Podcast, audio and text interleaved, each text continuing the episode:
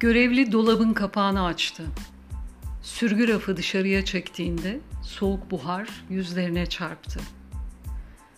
Raftaki örtü aralandığında kadının o ana kadar sımsıkı tuttuğu sinirleri zembereğinden boşaldı.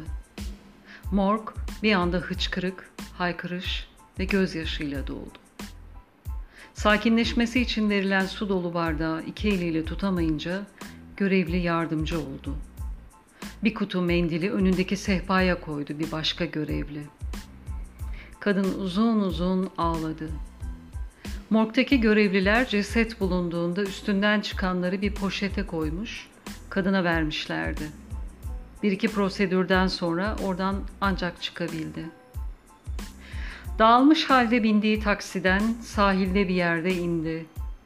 Dalgalara karşı oturduğu bankta güneşin battığını fark etmedi bile. Akşam kop koyu bir yalnızlıkla gelip oturmuştu yanına. Benim ruhumun parçalandığı gibi parçalanmış göğüs kafesi. Ne acı diye mırıldandı. Bacaklarının üstünde avuç açmış gibi duran ellerinde tuttuğu kırmızı kadife kutunun üstüne birkaç damla gözyaşı düştü. Merhaba, Momentos'a hoş geldiniz. Ben Sezer Özşen. Bugün 99 depreminin yıl dönümü. Bu okuduğum yazının aslında devamı var. Kendi hayatımda bulunan arkadaşlardan, çevredeki tanıdık insanlardan duyduğum şeylerin bir yansıması olarak bir öykü yazmıştım.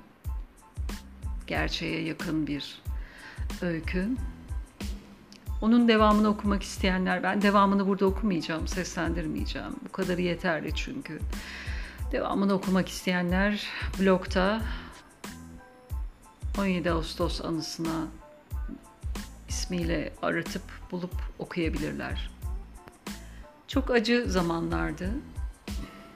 Benim de kendimi payıma düşen acıları yaşadım. Herkes gibi.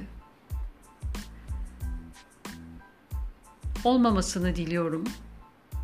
Ama yetkililer İstanbul depreminin son çeyreğine girildiğini söylüyor. Artık başka acıları kaldırabilir miyiz bilmiyorum. O yitirdiğimiz güzel canları rahmetle anmak istiyorum burada. Bunu dinlediğiniz için teşekkür etmek istemezdim ama yine de burada olup bunları paylaştığım kişilerdensiniz ve bu yüzden teşekkür ediyorum. Hoşça kalın. Güzelliklerle kalın.